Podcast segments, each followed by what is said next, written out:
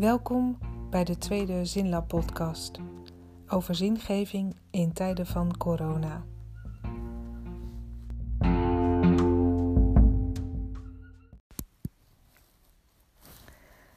De vorige keer heb ik verteld over de balans tussen vasthouden en loslaten.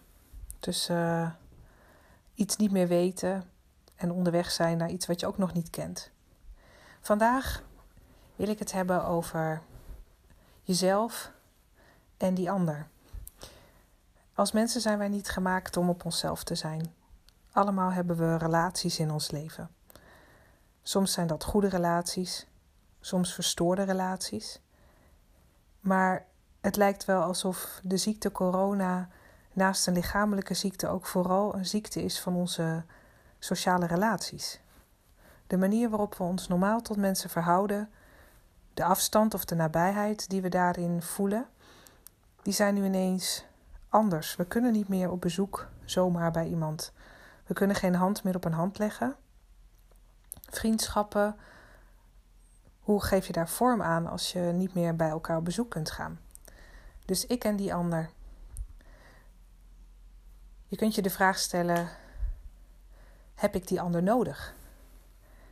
Heeft die ander mij nodig? En hoe doe je dat dan als je elkaar niet kunt zien zoals normaal?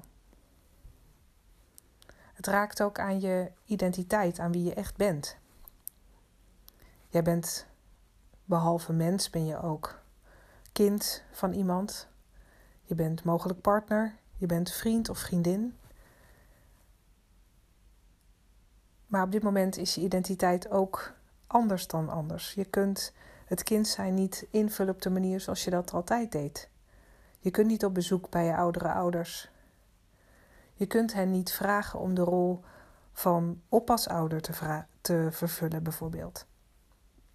Je kan die ander eigenlijk niet belasten. Je kan die ander ook niet nabij zijn en die kan jou niet nabij zijn. En dat is nog lastiger als je zelf niet gezond bent. Dan heb je die nabijheid van die ander des te harder nodig. En is de klap misschien nog veel groter dat je alleen bent of je alleen voelt. Daar wil ik graag nog even wat meer bij gaan kijken. Want er is een groot verschil tussen alleen zijn en je alleen voelen. Je kunt je heel goed alleen voelen als je niet alleen bent. En je kunt ook heel goed alleen zijn zonder je alleen te voelen. Dat heeft te maken met het gevoel dat je oké bent zoals je bent. Dat je oké bent ook met de vragen die je hebt. Dat daar ruimte voor is. Ik en die ander. Dat heeft ook te maken met de balans tussen aan de ene kant geven en ook ontvangen. Hoe doe je dat als je wat je normaal geeft aan mensen, je tijd, in je werk bijvoorbeeld, of je aandacht, niet kunt geven op de manier zoals je dat altijd gewend was? Of andersom, als een ander die tijd aan jou gaf en hem nu niet kan geven. Hoe doe je dat? En waar vind je de veerkracht om om te gaan met wat er nu speelt? Veerkracht in relatie. Dat is bij uitstek ook iets wat niet zo duidelijk is. Wat is veerkracht eigenlijk? Het is de verhouding tot je eigen kracht. Die ieder mens heeft, maar die ook gevoed moet worden. Gevoed door contact, gevoed misschien ook wel door contact met bepaalde uh, mensen om je heen of uh, God of een hogere macht. Veerkracht is niet iets wat je zomaar uit de hoge hoed kunt toveren. Het is er of het is er niet.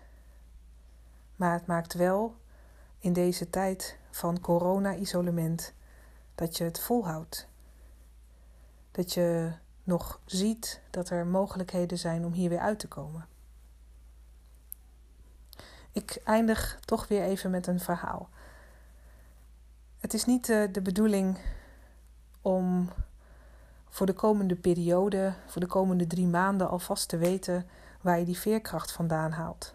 Of waar je alvast weet hoe je het vol gaat houden. Ik denk dat het zo niet werkt. Je kunt van alles plannen in je leven: je werk, je ontspanning, je vakanties misschien. Maar nu valt er weinig te plannen. Nu leef je van dag tot dag. Dat vraagt een andere vorm van veerkracht. Dat vraagt erom dat je elke dag weer kijkt: wat kan er vandaag? In de wetenschap dat dat morgen misschien heel anders kan zijn. Bij veerkracht kun je misschien iets met het beeld van een vuurtoren. Een vuurtoren geeft licht aan schepen die zich oriënteren. Ze staan op een vaste plek en zijn als het ware een baken van licht in de duisternis. Misschien heb je in je leven zelf ook wel dergelijke vuurtorens. Momenten waarop je zeker weet dat je iemand ziet, of je werk, je kinderen, bezoek aan familie of vrienden. En dat baken van licht, dat is een rustpunt in je leven, een anker. En corona doet iets met die vuurtoren.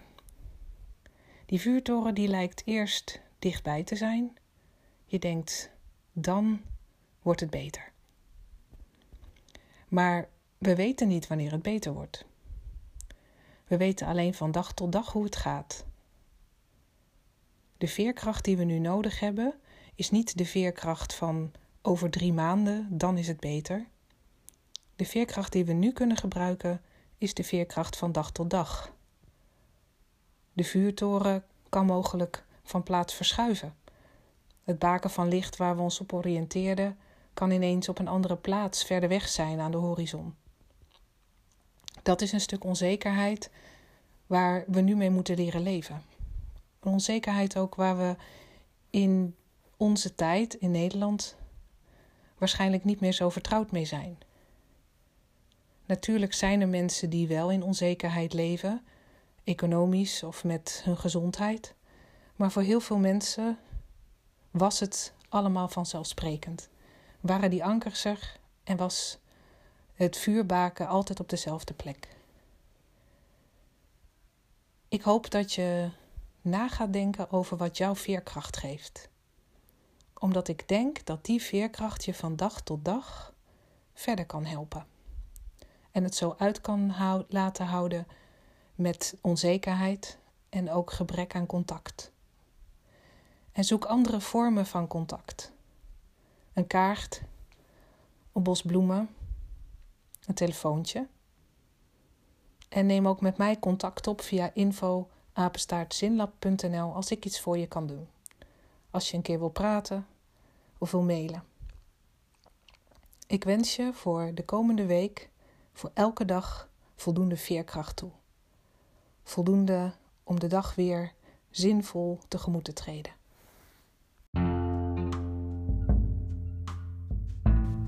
Je luisterde naar de tweede Zinlab podcast over relatie en veerkracht. Mijn naam is Karin Seidel. Je kunt me bereiken via www.zinlab.nl.